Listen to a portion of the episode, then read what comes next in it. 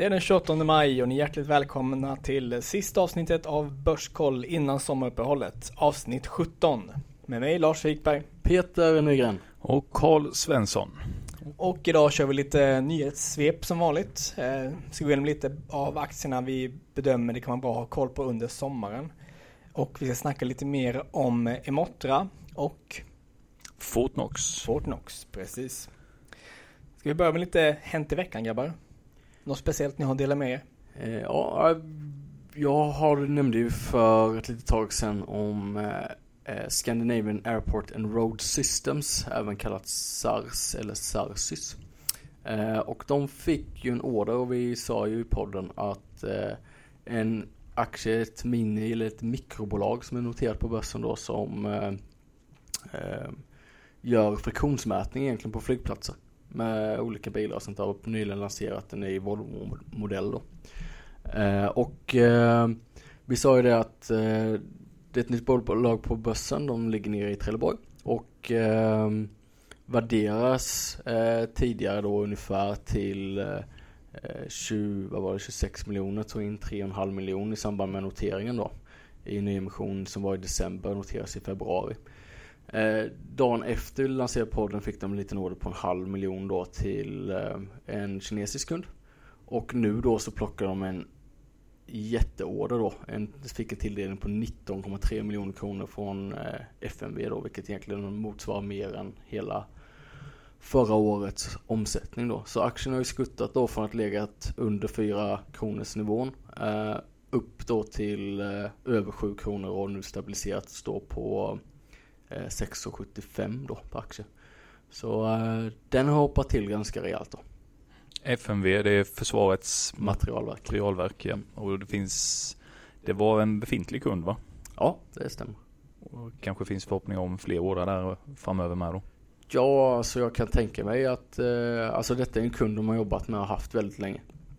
Så nu är det väl kanske en lite större upphandling här då som, som slår till då. Och det är kul för vi, alltså i prospektet skriver att man ska försöka öka lönsamheten och allt sånt där då. Så de har väl haft det här lite på känn. Så man måste säga det att börsnoteringen och det som har hänt här. Eh, de hade ju optioner även till en av, alltså före detta vdn som gick ut som köpte aktier för 3 kronor aktier styck här. Innan då, vilket vi varnade för, för det kanske var lite fiffens med det då. Men eh, det är väl kanske snarare bra planering då som som före detta vdn har haft då. För han hade väl kanske båda de här ordrarna på känn och det är väl inte omöjligt att det trillar in mer orders här för de vill ju öka sin omsättning. Tidigare år har de ju legat någonstans mellan 18 eller 17 till 24 miljoner i omsättning. Men redan här nu på de två ordrarna och plockat här nu på ganska kort tid så är de redan på 20 miljoner om de tagit lite orders tidigare år så det kan nog bli omsättningsrekord i det här bolaget. Sen så har ju aktien stuckit ganska mycket just nu så man ska väl vänta och fiska in dippar om man nu är intresserad av att gå in i det här bolaget och i och med att det är ett mikrobolag så är det även hög risk och ganska låg omsättning i aktien då ändå. Ja. Mm. Vi, eh, du och jag har ju varit på en bolagsstämma med. Ja, just det. Och egentligen nu för, förra veckan. Det stämmer, det stämmer. Uh, VXO Company. Jajamän. Vi fattade tunga beslut. Ja, eh, nyemission bland annat. Just det. Eh, och fondemission då för att vi ska göra bolaget på sikt publikt då. Så och vad är, för de som inte vet, vad är The VXO Company för något? Eh, det är ett holdingbolag som äger 100% i eh, fyra olika bolag. Ett fastighetsbolag som äger en industrifastighet där ett annat bolag som heter Brewmaster Sweden har sin verksamhet och det är ett mälteri som gör, alltså vi jobbar och upphandlar korn från bönder. Och och eh, gör om det till malt som vi sen säljer till mikrobryggerier och eh, destillerier. Sen har vi då även startat Växjö bryggeri då som ska vara färdigt 2019. Eh, som kommer göra diverse ölar och sånt både till under egna varumärken men under andras varumärken också då. Och sen på, och det ska bli en destination här i Växjö också, bara nämnas då. I och med att det kommer vara lite pub och trevligheter runt omkring det då. Och ligger väldigt centralt i stan. Det blir bara ett stenkast ifrån eh, din nya eh, Plaza de la Lasse. Det är trevligt. Aha, kan man va? gå ner rätt ofta där och alltså? ta lite. Vad va har du nu flyttat? Jag ska flytta. Vattentornet. Nybyggare.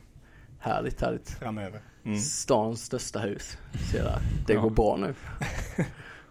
Och eh, ja, På tal sen- om lönevillkoren på landstinget. Förlåt, fortsätt.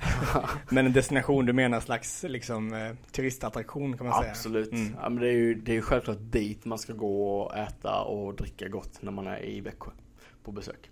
Och sen eh, självklart gå en rundtur på bryggeriet och lära sig mer om öl. Men sen eh, sitter vi även på det andra dotterbolagets kontor just nu och spelar in podden. Och det är Bevalta då, en öl, vin och spritimportör och distributör då som importerar vin och öl i kylda containrar och distribuerar det till eh, ICA, Coop, Systembolaget och eh, diverse restauranger och pubbar i Sverige då.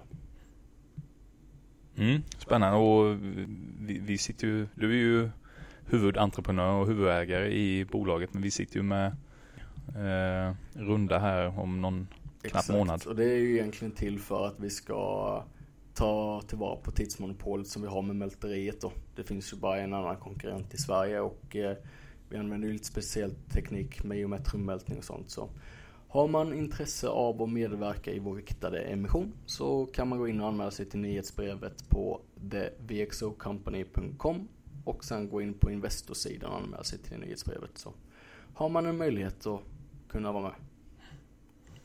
Ja Lasse, vad har hänt i din vecka då? Eh, solen har tittat fram. Är det många med nya utslag och solbrända armar som kom in eller? Jag är på psykiatri nu, så det är mest bara folk med, eh, ja, som inte är ute i solen så mycket om man säger så, som kommer in. så nej, inte direkt. Men eh, det har varit en väldigt lugn vecka för mig faktiskt. Det har inte hänt alls mycket. Men eh, jag kommer tillbaka lite till det här med psykiatrin lite senare. Eh, I och med Emotra, snack Mm. om det. Vi har haft lite andra små bolagshändelser här. Eh, IQS Energy som jag äger och eh, kikat lite på eh, håller ju på att genomföra en eh, nyemission och det här är ju en eh, väldigt rörig emission får man väl säga och det visar väl eh, att bolaget är relativt omoget i sitt sätt att eh, kommunicera och hantera de här typen av händelser.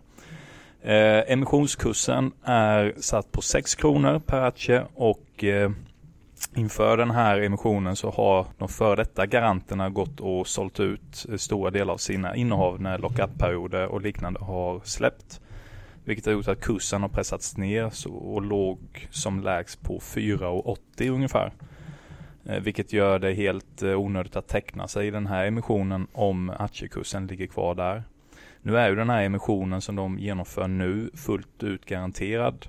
Men man vet inte idag, eller bolaget vet naturligtvis, men aktieägarna får inte veta vilka de här garanterna är, ifall det är några gamla garanter eller om det är helt nya.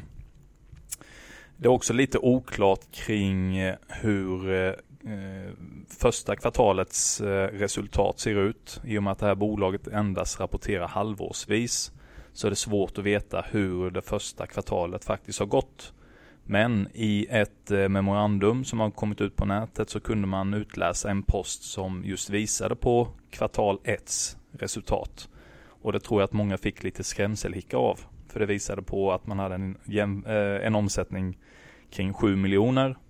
Och eh, de enda officiella jämförelsesiffrorna egentligen är ju vad man har för halvårsresultat för 20, eh, första halvåret 2016. Och då låg omsättningen på 24 miljoner.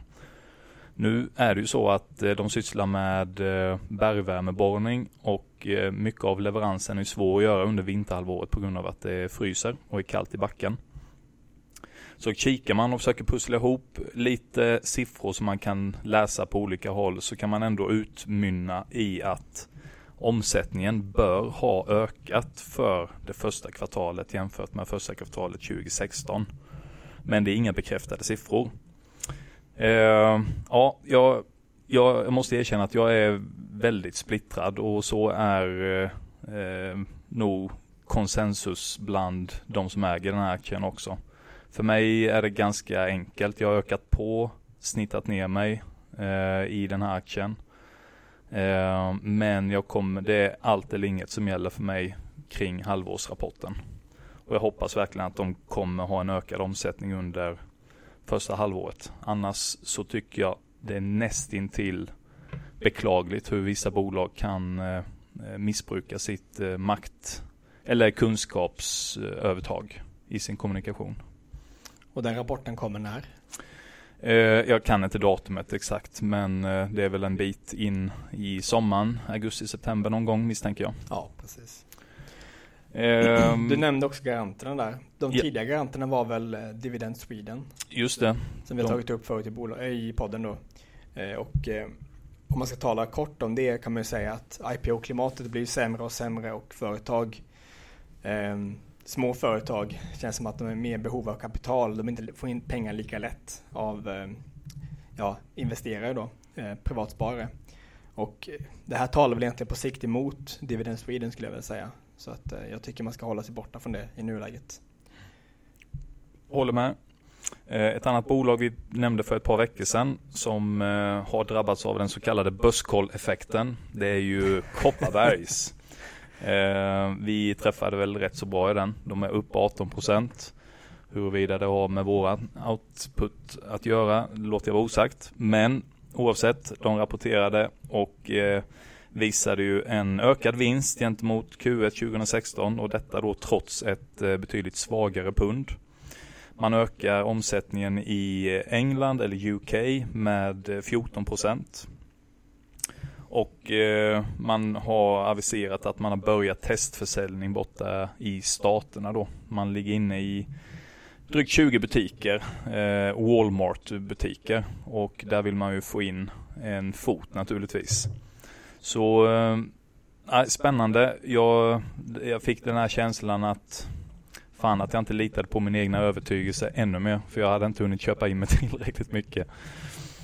Eh, men eh, kul för Kopparbergs. Jag tror fortfarande att det är ett eh, bra bolag att äga på lång sikt. Hövding har också rapporterat, inte nu nyligen, men jag tänkte vi tar upp det. Vi har ju varit skeptiska till det här bolaget sedan tidigare. Nu har man ju i procentuella tal ökat sin omsättning under Q1 här. Man har en fördubblad omsättning gentemot fjolåret. Ehm, från eh, 4 miljoner till dryga 8 miljoner. Eh, rörelseresultatet är dock fortfarande negativt. Eh, 10,5 miljoner i fjol och 8,2 miljoner i år. Och det är ju framförallt den här låga bruttomarginalen som ställer till det för det här bolaget. Man, har, man ligger kring 22% i bruttomarginal. Eh, trots att man har ett relativt högt pris. De här hjälmarna kostar någonstans runt 2,5 om jag inte minns helt fel. Mm. Och det här är ju bolagets eh, dilemma. Eh, tillväxten, den är ju alldeles för långsam i förhållande till den här marginalen. Så det kommer ju ta en ovinnerlig tid för det här bolaget att bli lönsamt om det någonsin blir det. Så mitt råd är att hålla sig utanför det här bolaget tills det någonsin, om det någonsin kommer visa svarta siffror. Played, ett annat litet bolag som jag kikar på, ehm, har ju visat en eh, rätt så trevlig Q1-rapport. Vi nämnde det faktiskt vid eh, kring årsskiftet att det här bolaget eh, kan vara ett eh, bolag som kan sticka upp. Eh, de vänder till vinst där nu under Q1. De hade en omsättning på 6,3 miljoner och det ska sägas att det är högre omsättning än för hela 2016. Man har gjort en eh, offensiv nyemission så man har en eh, nyfylld kassa.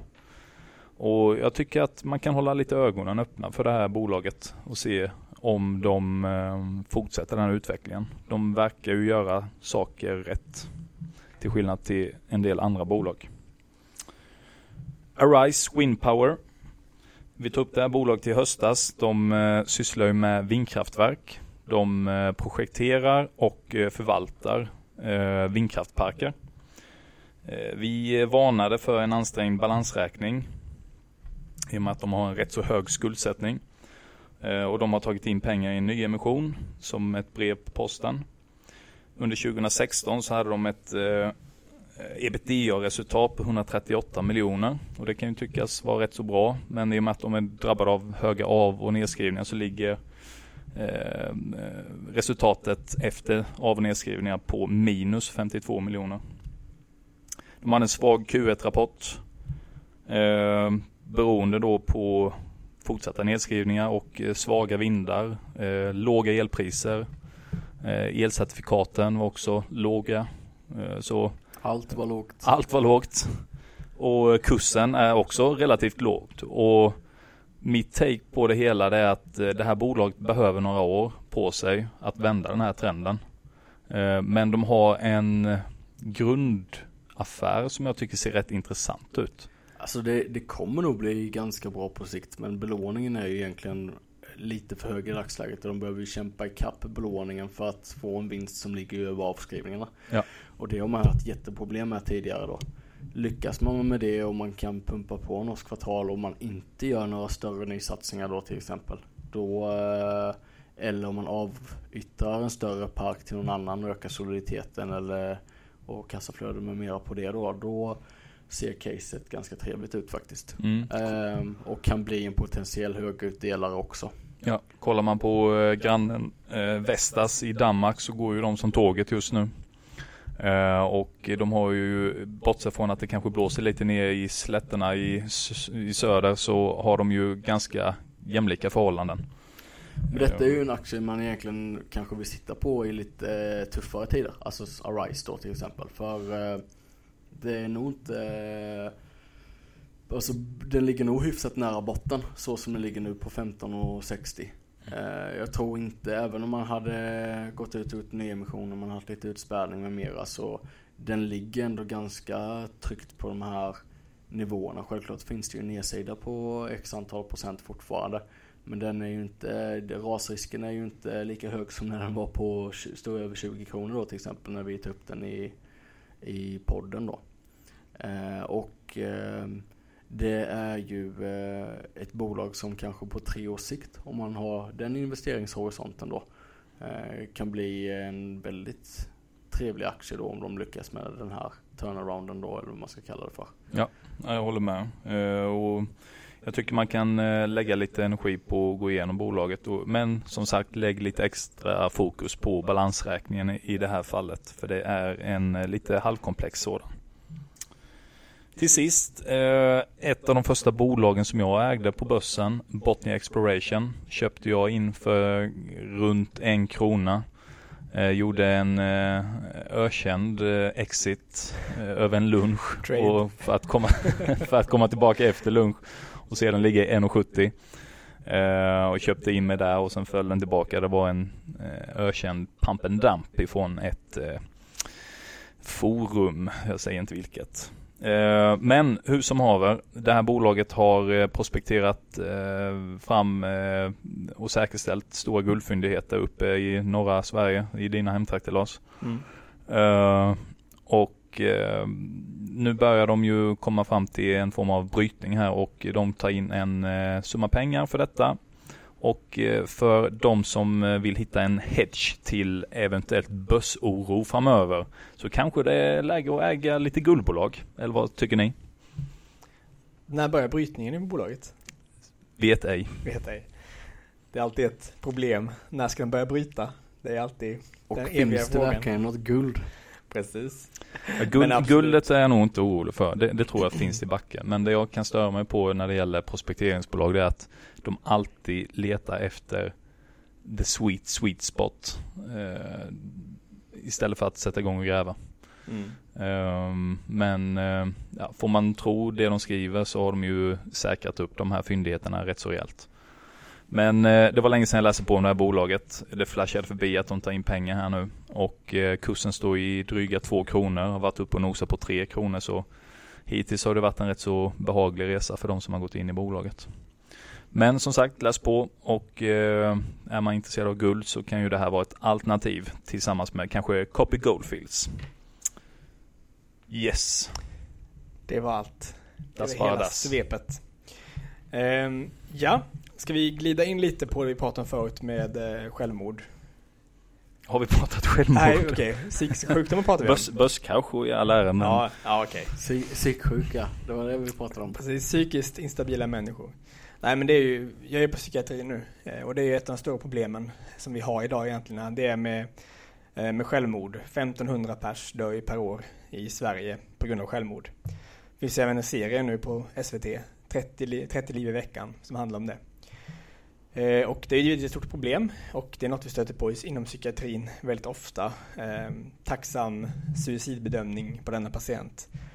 Och det är något som är väldigt svårt att göra i och med att eh, det vi kan göra det är att fråga patienten hur mår du och liksom använda självmordstrappan som vi kallar det för. Man börjar liksom lugnt, man börjar fråga om hur de mår, om de har mörka tankar, man liksom stegar uppåt till, tänk, har du tankar på att du inte vill leva längre?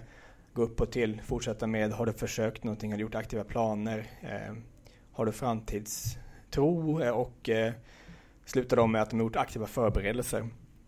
Och det här är ju gott i all sin ära, men själva evidensläget på just den här metodiken och även de här vissa, eh, ska man säga, questionnaires man använder, alltså ett frågeformulär med olika frågor som då ska försöka ta reda på om patienten är suicidriskbenägen eller inte, är ju inte speciellt eh, underbyggt alltid.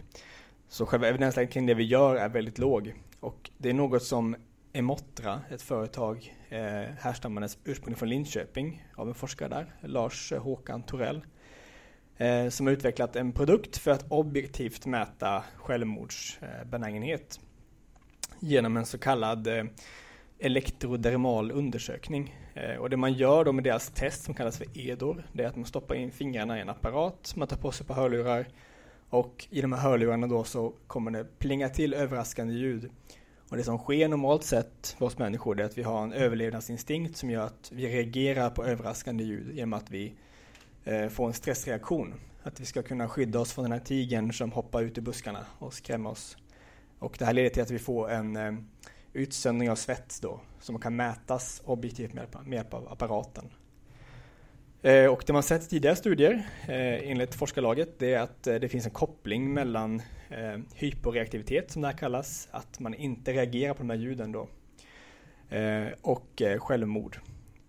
Så de har alltså utvecklat en metod för att mäta hyporeaktivitet och vill då koppla samman detta med eh, suicidriskbenägenhet. Och för att göra detta så har de gjort en stor eh, multicenterstudie. Eh, de har tagit in ungefär 20 kliniker eh, med olika renommerade forskare och har då använt den här metodiken på totalt 1500 patienter för att då kunna mäta, hjälper den här produkten till att skydda mot suicid eller inte. Och det jag tycker är tråkigt med den här studien. Eh, jag kanske är lite sen på bollen här men jag tycker det är relevant i och med att företaget håller på med nyemission i nuläget för lansering av produkten. Det är att jag tycker den är eh, feldesignad. Eh, det man har gjort det är att man har förutsatt att själva diagnostiken fungerar. Man har alltså sagt att hyperaktivitet har en koppling mellan ökad risk för självmord och man har gjort så att när man träffar på en patient som har hyperreaktivitet som har sett in stora insatser för att skydda den patienten. Och det här leder ju då till att man eh, egentligen förutsätter att testet fungerar. Och det man ser är ju att i studien, enligt forskarna då, de har varit väldigt sparsamma med presentation av data, vilket är väldigt tråkigt. Eh, de har presenterat brottstycken egentligen av den data de fått ut. Och det är att man har högre andel bland hyperreaktiva, Eh, 1 % jämfört med de reaktiva, de som svarar på ett normalt sätt på det här testet. Eh, bland hyperaktiva var suicidriskfrekvensen 1 % och bland de reaktiva 0,5 %. Och det man säger då är att eh, tre av nio självmordsoffer var hyperaktiva, men själva andelen hyperaktiva i studien var ju mycket lägre än de reaktiva. Så alltså att det var högre frekvens bland eh, hyperaktiva bland självmordsgruppen. Och man jämför då med tidigare studier och säger att eh, ja, men det vi ser här, vi har satt in interventioner för alla eh, hyperaktiva och det här innebär ju då att vi ser en lägre frekvens av suicid i den gruppen jämfört med tidigare studier. Hade man gjort det här som en ren objektiv studie, man har inte varit inne och pillat om man gjort det här som en blindad studie, det vill säga att man bedömer patienten precis som normalt enligt gyllene standard som är då en suicidrisk bedömning. Eh, och Eh, man gör det här testet, Emotras EDOR-test, skickar den blindad till analyscentralen med ett patientnummer. Eh, och sen efteråt koppla samman med, hade vi faktiskt en ökad suicidfrekvens i den hyperreaktiva gruppen? Då hade man haft objektiva data som säger att ja, det finns en koppling i en prospektiv stor multicenterstudie mellan hyperaktivitet och självmord. Hade man om man redan hade den informationen så hade man ju använt det här testet i dagens läge för att försöka förutse självmord, enligt min mening. Och det man får ut av den här studien är ju egentligen inget som, som bidrar med någonting. Ja, det det Är ni som, med det som jag jag, reagerar på egentligen det var hur du sa att det fungerar. Att man läser avsvettningen på, um, alltså på fingrarna. Mm. Det är ju någonting som vi byggde in i en datamus i, i, i det andra bolaget som ska börsnoteras eh, nästa år som jag är delaktig i då. Ehm, och som jag grundade för ett par år sedan. Men det, det är liksom, det är inga svåra mätinstrument heller. Alltså Nej. en GSR-mätare. Det är ju någonting som man gör för eh, någon krona liksom. Mm. Även om du sätter en mätare per finger så är det ingen dyr apparat på så sätt. Och sen eh, hörselkåpor och ett litet chip som skickar ut ljud. Jag menar det är, det är inget, inget svårt. Så det ställer också min följdfråga. Vad är värderingen på bolaget? Ja, den är 48 miljoner i nuläget. Och hur stor är kassan? Det kan jag inte svara på, Hur men de håller på med en nyemission i nuläget på 17 miljoner eh, på 3,30 per aktie Okej. Nu under juni. Så att de måste ha pengar, in pengar då till, eh, till att eh, lansera produkten. Men, men vad är det egentligen som skiljer den här studien ifrån eh, något annat läkemedelsbolag? Man måste ju ändå ha någon form av grundtes. Ja, men ja, precis. Alltså det som är grejen tycker jag. Det man säger i, jag har läst igenom riktlinjerna för diagnostiska tester som har lanserats av European Medicines Agency. De har rekommendationer på hur man ska lägga upp studier. Och det de säger är att med en fas 3-studie för sån här, det är i princip vad det här är, en bekräftande studie, eh, så ska man i princip utan eh, tvekan kunna avgöra att den här metoden ledde till en korrekt diagnos. Och det kan man ju inte riktigt göra i nuläget med den här, med upplägget. I och med att man varit inne och pillat i datan. Och sen likadant så tycker jag också att det är lite, säg att du är deprimerad och du gör Mm. det här testet. Då borde ju även responsen då kanske vara, och då är man kanske lite mer självmordsbenägen också såklart när man är i en depression eller liknande. Men det är, det, du kan ju få utslag kanske på fel saker. Mm. Alltså du kan ju få utslag på andra härkommor som också kanske är eh, inom det psykiska, eh, inom psykologin då med depressioner och sånt där. Men det kanske inte är att de är just självmordsbenägna. Och det Precis. gör ju också att du har nedsatt reaktion om du är kanske depressiv då. Det är en jättebra poäng. Eh, Jag kommer tillbaka alldeles strax. Men jag vill bara först säga det här att alltså, om, om som sagt, om nu evidensen var så stark för det här, varför använder man inte i dagens läge? Och det tycker jag det är en bra tanke att ha, för det man sagt i den här studien det är att det vore oetiskt att göra den blindad i och med att man har en stark koppling mellan hyperaktivitet och självmord. Så alltså att man skulle då haft ökade självmord i studien om man inte gjort intervention på de här patienterna. Är ni med? Ja. Det man gör i en, till exempel en cancerstudie på fas 3, eh, en fas 3 eh, studie inom onkologi, det är att man förutsätter inte att produkten fungerar. Utan det man gör, det är att man gör en blindad studie, precis som vanligt. Man gör en, har en placebogrupp som får aktiv behandling, givetvis, något annat vore väldigt oetiskt. Och jämför med då den eh, undersökande agenten. Och att man har interimanalyser, det vill säga att man går igenom datan, eh, man bryter blindningen eh, och går igenom datan kanske en fjärdedel efter halva studien, tre fjärdedelar av studien och se, finns det en skillnad statistiskt mellan grupperna? Om det finns en skillnad tidigt, då bryter man så att säga, blindningen och sätter in alla patienter på aktiv behandling. Just i och med att eh, det vore oetiskt att fortsätta när man faktiskt har resultat som tyder på att den aktiva behandlingen är bättre för patienterna. Alltså den här undersökande agenten. Ehm, man gör ju inte en fas 3 cancerstudie genom att man säger att, eh, att man ger alla patienterna eh, den aktiva behandlingen för att man förutsätter att den här är bättre. Och jag tycker man borde gjort på samma upplägg här egentligen också för att jag personligen tycker att det är mer oetiskt att eh, försöka lansera en produkt där man har inte helt underbyggda data gentemot att kanske fem patienter dör i en klinisk studie trots att då produkten fungerade. Är ni med på hur jag Ja, menar? Men, men kan inte det oavsett eh, testresultat eh, vara ett tänkbart hjälpmedel. För även om du inte visar, om man ska säga, positiva utslag på att du skulle ha de här symptomen eh, så släpper ju inte sjukvården iväg dem hejdlöst. Det kommer inte vara en sån vattenbrytare som ja, du, du visar inga utslag på den här så du är helt grön. Åk hem med dig. Ja det är väl kanske så. Det kanske är ett komplement som säger att eh, ja, nej men du gör ju faktiskt dåligt utslag på det här testet också. Mm. Ja, precis. Här är en extra varningsflagga. Just det. Exakt. Um, och det är ju som du, som du pratade om förut Peter, det är ju ett, ett problem att själva um, känsligheten av produkten är ju bra. Uh, den, enligt tidigare studien, den visar ju på att de som faktiskt begår självmord kan man i stort sett uh, hitta med hjälp av den här metoden. Däremot så är själva specificiteten, alltså eh, de man testar som är hyperreaktiva av de som faktiskt begår självmord, den själva eh, den mängden är ju ganska liten så att man kanske får in 300 personer som är hyperreaktiva varav tre begår självmord. Eh, jag menar, ska man stänga in alla 300 och skydda dem med maximala insatser då? Det måste man i princip göra för att använda testet rätt. Mm. Men sen ligger det lite i sakens natur med uh att det här förutsätter ju att den som är sjuk eh, söker upp någon form av hjälp. Ja. Och eh, nu har jag ju inga statistik på det här men av de 1500 som begår självmord så misstänker jag att flertalet av dem är inte kända av sjukvården sedan tidigare i det ärendet kanske? Nej, det är också en faktor. De måste faktiskt söka vård men problemet är, även om man söker vård så är det svårt att eh, veta vad man ska, vilka man ska behandla av den gruppen som söker vård. Vilka man ska gå in med maximala insatser på.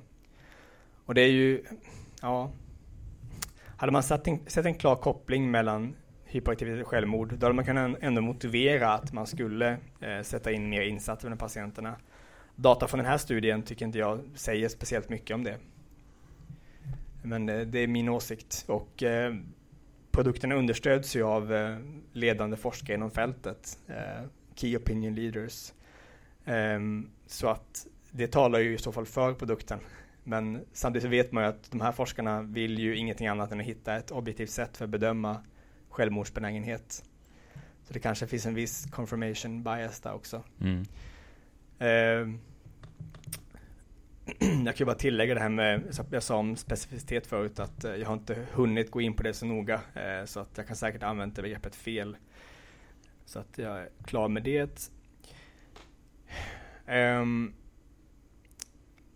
ja, de ska ju nu göra en, en lansering av produkter som sagt eh, i Europa preliminärt och kommer ju ta in 17 miljoner nu via riktad emission som är garanterad till 17 procent. väldigt låg garantiandel kan man ju lugnt säga. Vad tror jag om det här företaget på sikt? Mm. Jag, jag, är kluven. Jag är väldigt kluven. Eh, jag skulle, jag skulle låta bli det eh, rent, eh, rent medicinskt. Men jag tror ändå att det är en fin uppsida på aktien på kort sikt i och med att det säkert blir en hype kring det. Ehm, men jag skulle, in, jag skulle låta bli den här på sikt. Mm. Jag är en total stay out på den. Det låter, det låter bra det också. ja, jag har gått på mina slängar i biotech så jag, jag, jag säger nog pass också tills vidare. Mm. Man vill ju gå in i biotech när det är liksom så här när Lars har gett dubbel approval och man har sågat honom ganska hårt liksom. Och, och han kommer tillbaka dagen efter och fortfarande är övertygad. Ja. Då, då är det läge att gå in liksom. vi tittar på Lars och kan ju avläsa hans ansiktsuttryck och svettpärlorna i pannan här så. Ja precis, nu känner jag pressen på mig här alltså. Ja. Mm. ja då förväntar vi oss ett riktigt bra biotechbolag då tills i höst. Lars. Ja, ja. nu har du, nu har du bara hela sommaren på dig. till eh, biotech alltså på sista tiden men eh, ja. Jag ska försöka bättra mig. Då får vi Ni kasta får... in dig i någon studio så att du blir confirmation bias också någon gång. Ja, vi får göra det. Du kan ju, du kan ju få en liten enklare uppgift. Du kan ju få, uh, vi kan ju faktiskt skicka med dig att du över sommaren får kolla på uh, Probi till exempel. Den vi kollat på tidigare faktiskt. Men den är värd att kolla på igen. Och sen deras andra probiotika uh, kollega i branschen också. Biogaia. Kan vi ha en stor diskussion om evidensläget bland eh, probiotika, Peter? Det skulle vi kunna göra, helt klart. Uh, jag är ju inte lika påläst som du, så du vinner nog den diskussionen. Nej, jag är tveksam. Jag har inte läst så, så himla mycket om det, helt ärligt. Det har jag inte gjort. Men spontant är jag tveksam. Mm. Ja, ja. Börsen och aktien är en sak och bolaget är en annan sak. Precis. Vi får se hur det utvecklar sig där. Precis. En aktie, eh, kurs som i alla fall har gått eh, ordentligt bra på de senaste åren. Eh, det är ju Fortnox. Ett eh, annat eh, Växjöbolag som eh, sysslar med molnbaserad eh, bokföring i grund och botten.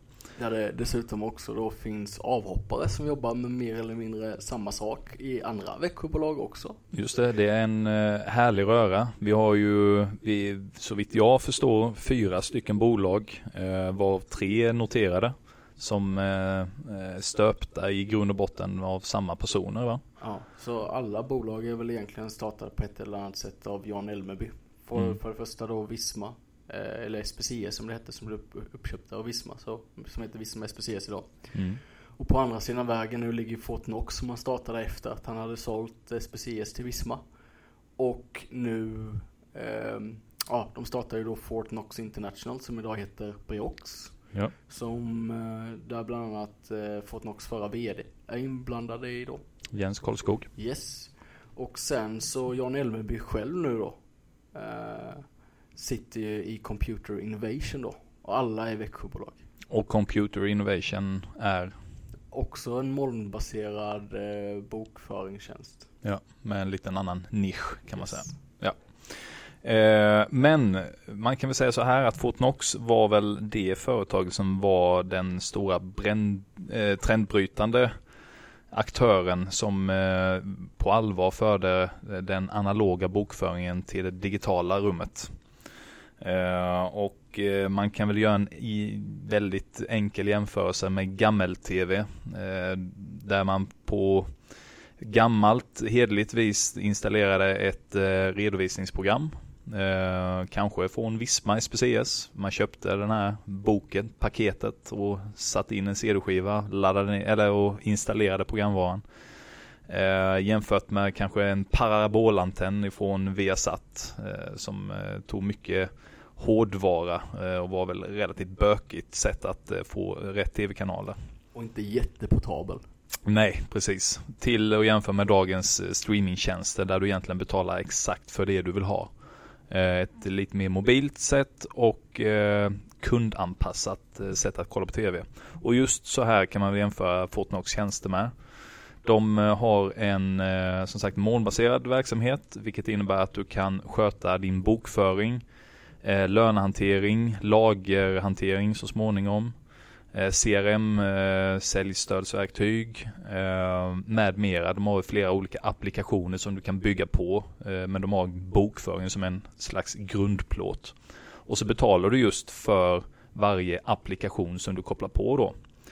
Grundpriset med viss variation är 99 kronor i månaden eh, för en användare. Sen kan du då bygga på antal användare då.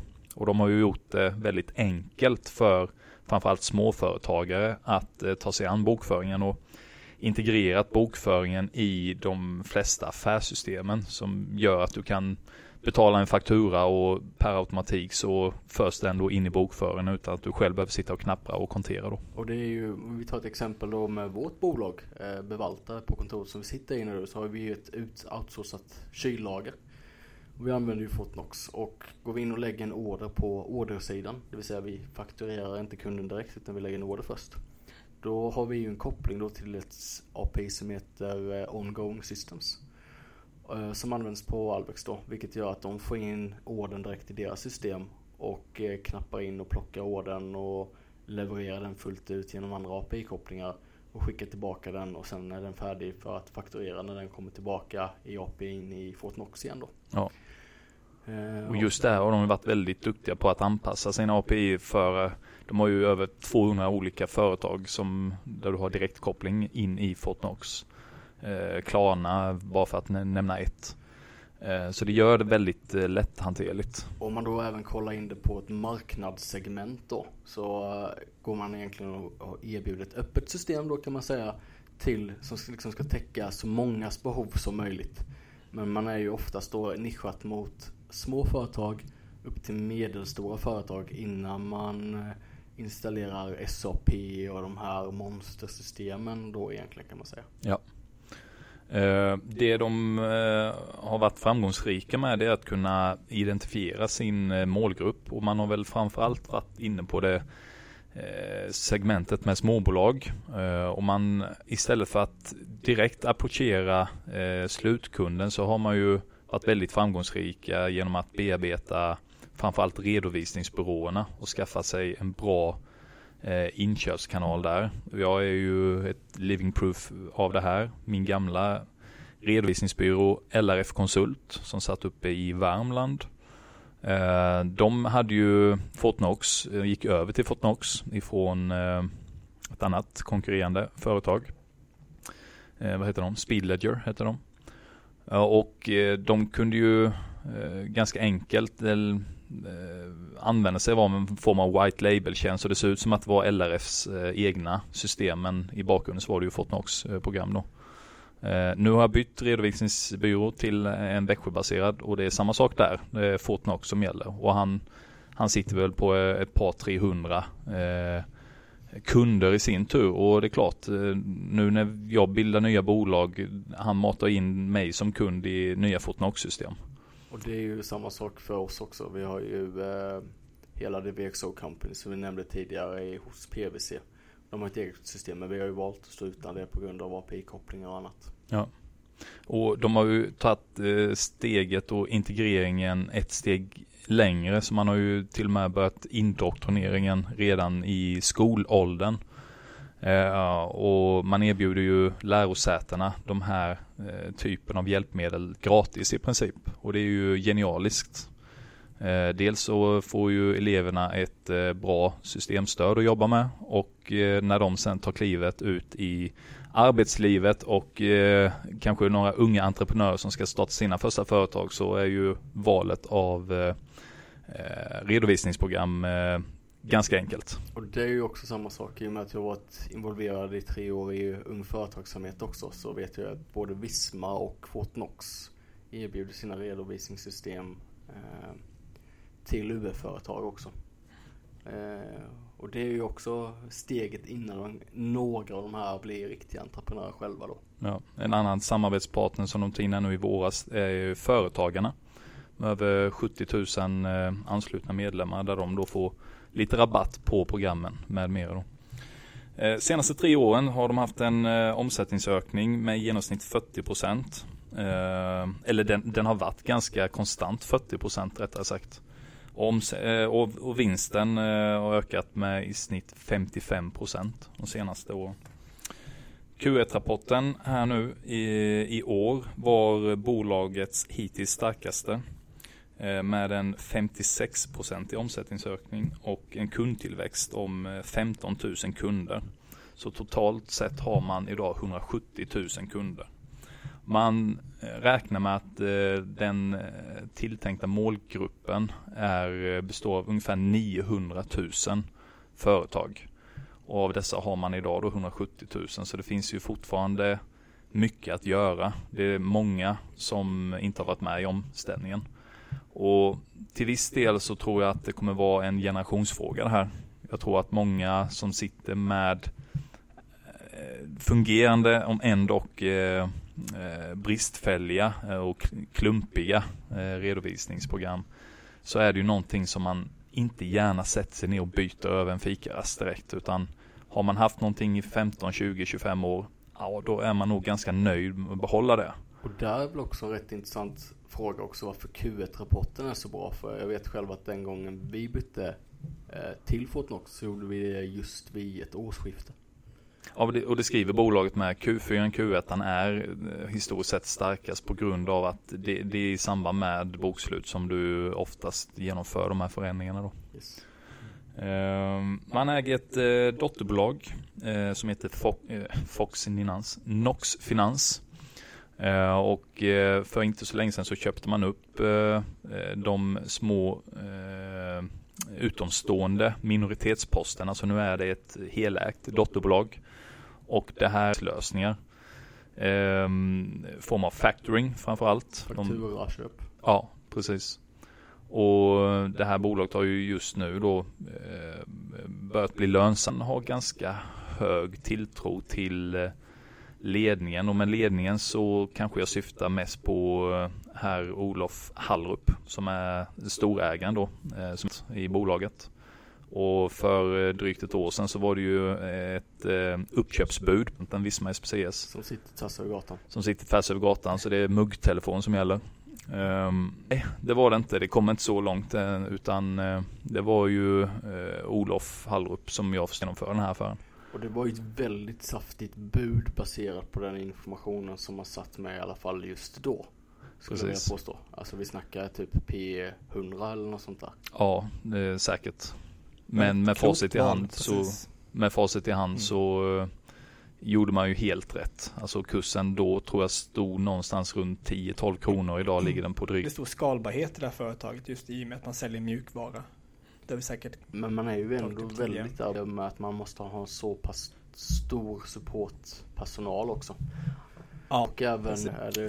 Eh, de, 2016 omsatte man drygt 200 miljoner. Ja, man är väl nu över 150 eller 160 anställda man har ju byggt en ny skrapa för att man ska expandera. Så man omsätter väl runda slängar kanske strax över en miljon per anställd då. Mm. Och det är ju faktiskt så som siffrorna ser ut ungefär eller lite sämre på Visma om jag minns rätt också då, alltså Visma SPCS.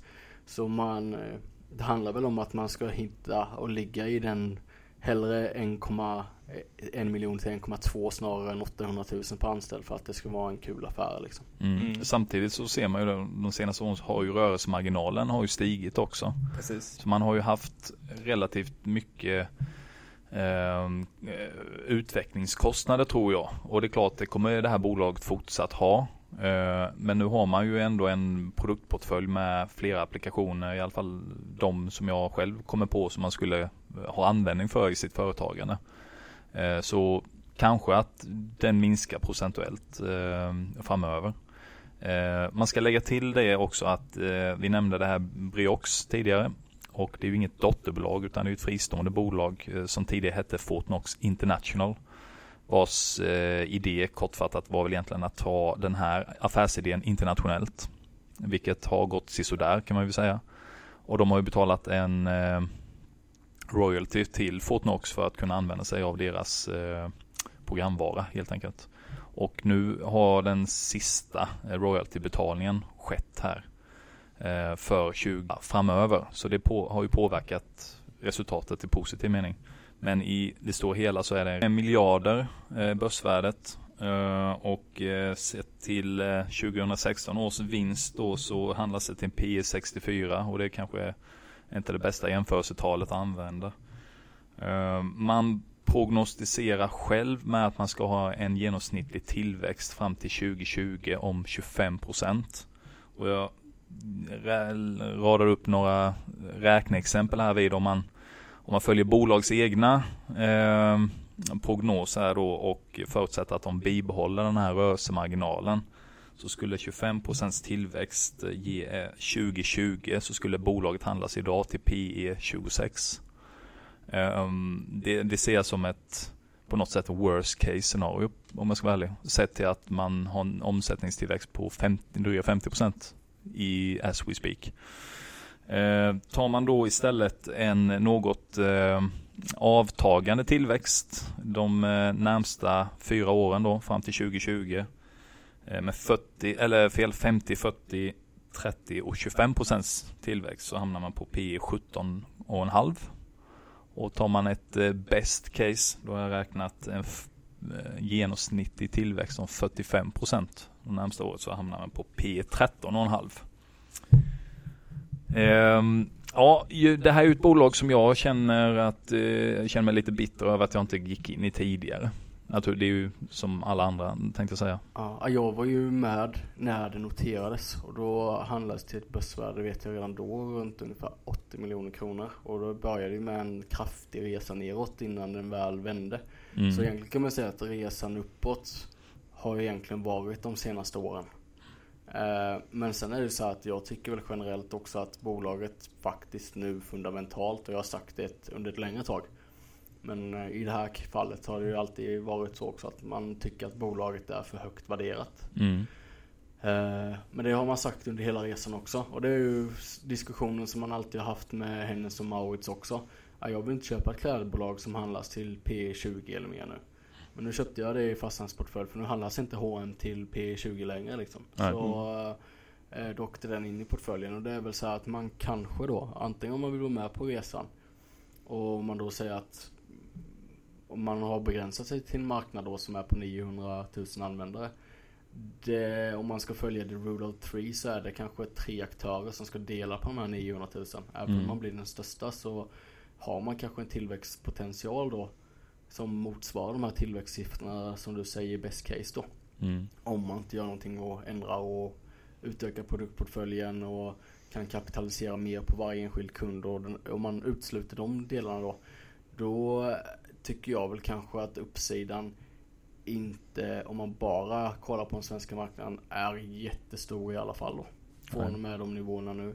Däremot så tror jag kanske inte att nedsidan är särskilt stor heller. Å andra sidan i och med att detta är ett bolag som alltid haft en bra värdering. Man kommer ha bibehållen tillväxt. Men den raketresan som har varit är nog kanske ingenting man ska räkna med framåt då. Nej, jag, jag ser det så här. Eh, det här är ett bolag som är relativt ocykliskt. Eh, oavsett om det är högkonjak eller inte så behöver du Eh, ett bra system att sköta din bokföring. Visst, eh, ny, eh, nybildade kunder minskar naturligtvis eh, i samband med att vi får lägre eller sämre företagsklimat. Eh, ser man på de befintliga kunderna så gjorde jag en snabb överslagsräkning och då ser man att varje kund bistår med i snitt 110 kronor per månad i intäkter. Och den billigaste tjänsten du har det är 99 kronor.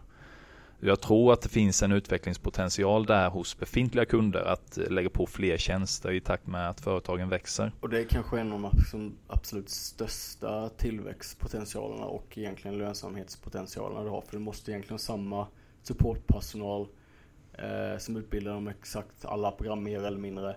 Ja. Oavsett om du har en kund som då betalar eh, 99 kronor eller om du betalar eh, väldigt mycket mer än så. Precis. Och eh, ser man till just det vi pratar om med internationalisering så har ju jag en, någon spontan tanke. Eh, finns egentligen ingen grund i den men eh, Sverige är ju väldigt moget för den här digitaliseringen. Eh, om man jämför med många andra länder där man fortfarande kommer med redovisningen i en ICA-kasse. Eh, och kanske var Briox och eh, för detta då Fortnox International lite för tidiga på, när det gäller den marknaden då. Och vem vet om 5-6 år så kanske det är läge för Fortnox själva bearbeta den marknaden. Det kan ju inte ha undgått dem själva tanken att släppa den marknaden helt. Eh, det är en sak som är säker och det är kul att se också att Olof Hallerup är en så långsiktig ägare. Annars hade jag tackat ja till budet. Och det är ju som vi säger även med entreprenörer och liknande som jag nämnt med både THQ och, och den storägaren är ju väldigt viktig. Mm. Eh, och man har väl en tydlig signal här. Sen eh, tycker jag ju att värderingen är väldigt hög och att det finns billigare och liknande case på börsen. Men samtidigt så ska du väl betala ett premiumpris i och med också att du har säkerheten med att du har en prenumerationsmodell. Och Mm. du vet att du förmodligen inte tappar några kunder utan du kommer att öka framåt. Alltså du, eh, om du har 170 000 kunder idag så vet du att om ett år så har de definitivt fler kunder som betalar ännu mer pengar än vad som görs idag. Ja, och jag tror just det här med aktien lever sitt liv och bolaget ett annat. Trots att värderingen är hög så eh, känner jag på mig att sitta och vänta på bra läge att gå in i den här matchen så kommer man sitta och slita sitt hår om ett år. Eh, då står kursen 20% högre än vad den gjorde i år och den handlas till P 75 istället. Jo men du, du hittar ju oftast dipparna i cykliska bolag. Det här är ju väldigt ocykliskt. Detta är ju någonting som bara kommer att tugga på.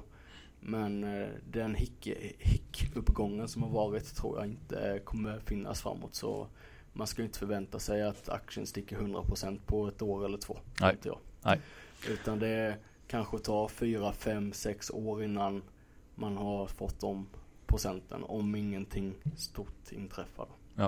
Jag själv kommer försöka leta efter dipparna och försöka ta in det här i min långa portfölj. Eh, Den fyller alla de kriterierna jag önskar. Eh, Och eh, kommer handla in en bevakningspost och sen öka successivt förhoppningsvis.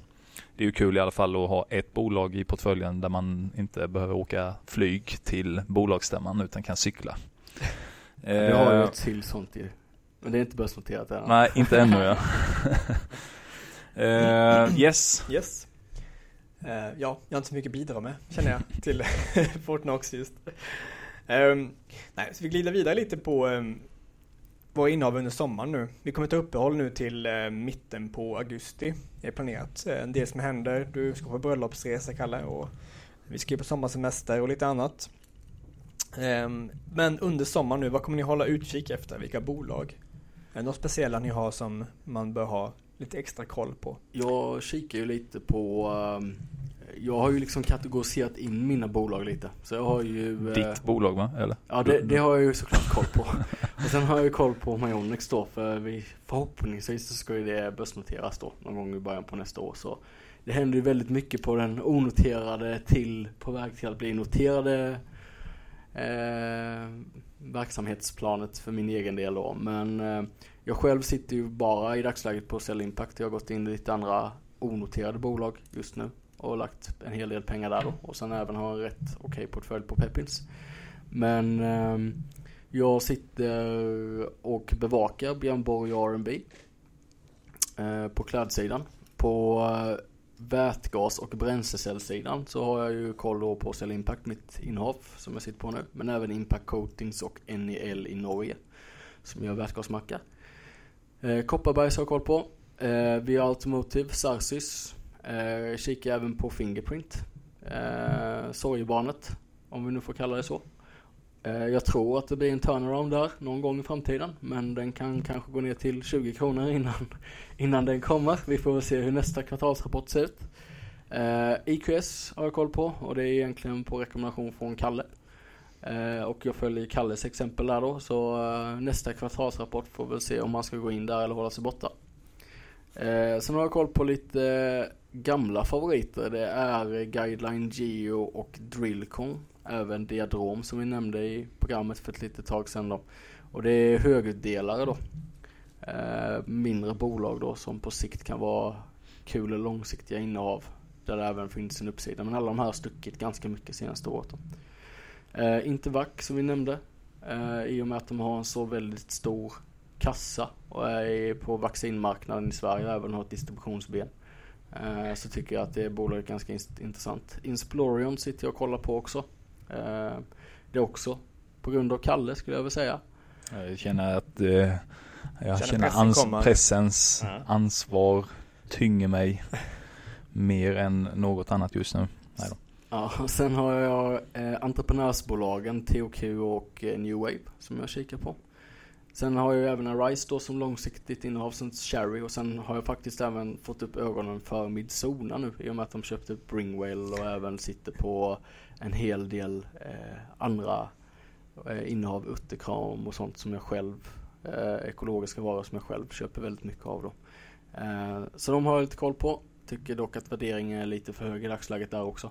Lite svårt att räkna på i och med att de har förvärvat lite bolag och så här då. Men eh, jag har dem under bevakning. Och sen självklart då Växjöföretagen, JLT Mobile, eh, Fortnox, Briox, Computer Innovation, Kalmar och Lammhults också då. Mm. Du ska inte ha någon semester i sommar, hör jag. Precis. De ligger ju bara där som jag satt larm på dem. Så om de dippar ner så får man ju ta beslut. Hmm, ska jag öka innehaven här nu liksom? Ja. Eller Det går snabbare att säga jag har inte koll på de här. Ja det är i och för sig förvisso sant. Men det, jag tänkte att jag skulle bara spotta ut med lite här så att våra kära lyssnare kanske, ja det där bolaget låter intressant så den kanske jag ska plocka med mig. Ja, precis. Bra. Det är bra.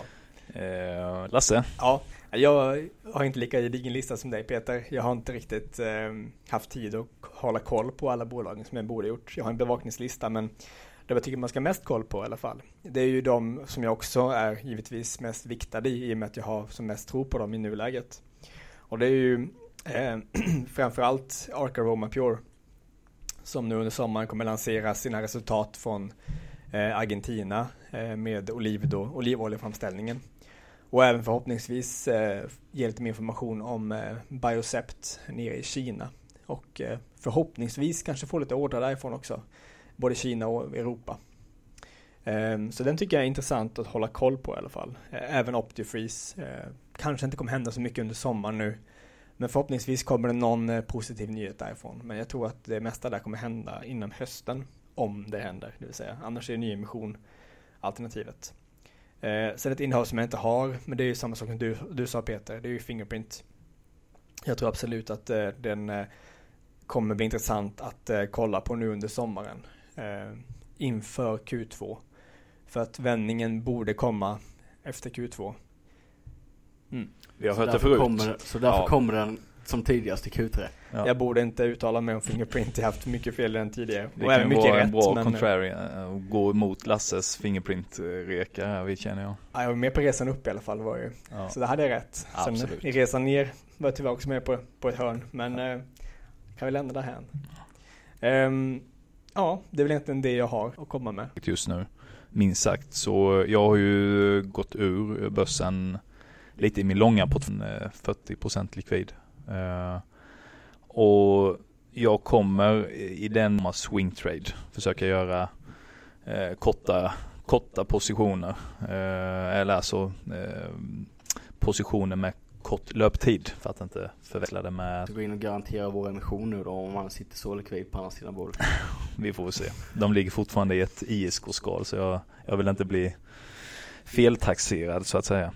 Eh, nej, så där jag kommer eh, vara rätt så sparsam med eh, inköpen här. Men de bolagen då, om vi tar de mer, mindre likvida bolagen så är det ju framförallt eh, Insplorion som jag väntar på. Eh, de har, tycker jag, följt sin plan eh, enligt klockan och eh, jag har en magkänsla av att som tidigast så skulle man kunna komma ut med ett PM om en någon form av kommersialisering i slutet av sommaren. Så det kommer jag naturligtvis hålla ögonen på. Dippar den så kanske jag ökar lite i den aktien. IQS naturligtvis när de kommer ut med sin halvårsrapport. Det blir en make it or dump it. Eh, uh, Cell Impact uh, väntar vi ju ganska snart på besked på den här eh, uh, orden som man har fått. Uh, vad det innebär i praktiken då. Och, ehm, Först då går det att räkna på den. Och det här är väl Ja. också make it or break it egentligen. Lite så känner jag där också. Eh, I övrigt, eh, Fortnox då som jag nämnde. Eh, Kopparberg ska man försöka hitta lite ingångar i. Eh, och ja, försöka snitta ner mig i mina långa och vikta mig i lite mer ocykliska bolag här vi nu ifall, ifall vi hittar en sättning framöver. Är det då mer fastighetsbolag kanske Kalle? Eh, sett till min, om jag tar Carl Svensson AB och min eh, privata balansräkning så eh, är jag ganska tungt viktat mot fastigheter så 90%. jag tror inte det räcker. eh, så jag, eh, jag, nej, även om det lockar så jag tror att, eh, ja visst kan man hitta några bra bostadsfastighetsbolag så kan det vara intressant. Men jag räds eh, kommersiella fastigheter just nu. Så det blir ingen investering i Koream då med andra ord? Eh, nej, det blir det inte. Yes, med de orden ehm, så ska vi hälsa alla lyssnare en eh, riktigt skön sommar. Och eh, tack för att ni lyssnar. Fortsätt eh, lämna input på Twitter till oss. Vi vill höra högt och lågt vad ni tycker om podden. Och eh, vi ska försöka sikta på att få in lite spännande intervjucase eh, till hösten och jobba lite på den biten också för att krydda innehållet ännu, ännu mer. Och önskemål är givetvis alltid välkomna på Twitter. Om ni har något intressant bolag som ni tycker vi borde ta en titt på. Som vi inte har tagit upp än. Så eh, med det. Innan det, Innan Peter, det, ja. så måste vi ändå disclaima, lite. Vi ändå Ja, nämnt, du har nämnt Peter Cell Impact. Det är väl egentligen det du har Absolut. som vanligt. Ja, jag har, jag har, jag har Cell Impact och sen så eh, sitter jag ju då med min Peppins portfölj som man kan lyssna på på Peppins avsnittet om man vill ha den disclaimern då. Just det. Eh, och eh, likadant så sitter jag ju såklart i, i mina andra bolag också. Sådär. Mm. Uh, ja, jag sitter ju då i Cell Impact, eh, IQS, Insplorion, Kopparbergs. uh, eh, och kommer med största sannolikhet inom kort uh, köpa in mig i Fortnox också. Och jag brukar ju oftast nämna de jag har pratat om idag, men jag kan ju nämna alla jag har idag för sakens skull. Jag äger Arcoma Pure. Jag har en liten skvätt i Fnet-plattformen Dividend. EQL Pharma äger jag. Ivysys äger jag fortfarande. Det har gått dåligt. Men eh, har tillförsikt där ändå. Eh, Optifreeze, Ortoma, Tobii och Tolerantia. En liten skvätt den också. Så det är vad jag sitter på i nuläget. Mm. Så, med det sagt Peter. Då vill vi passa på och tacka för eh, ja, avsnitt 1 till 17 innan sommaruppehållet. Och passa på då igen och önska alla en väldigt trevlig sommar. Ha det gott. Ha det bra. Hej då. Hej.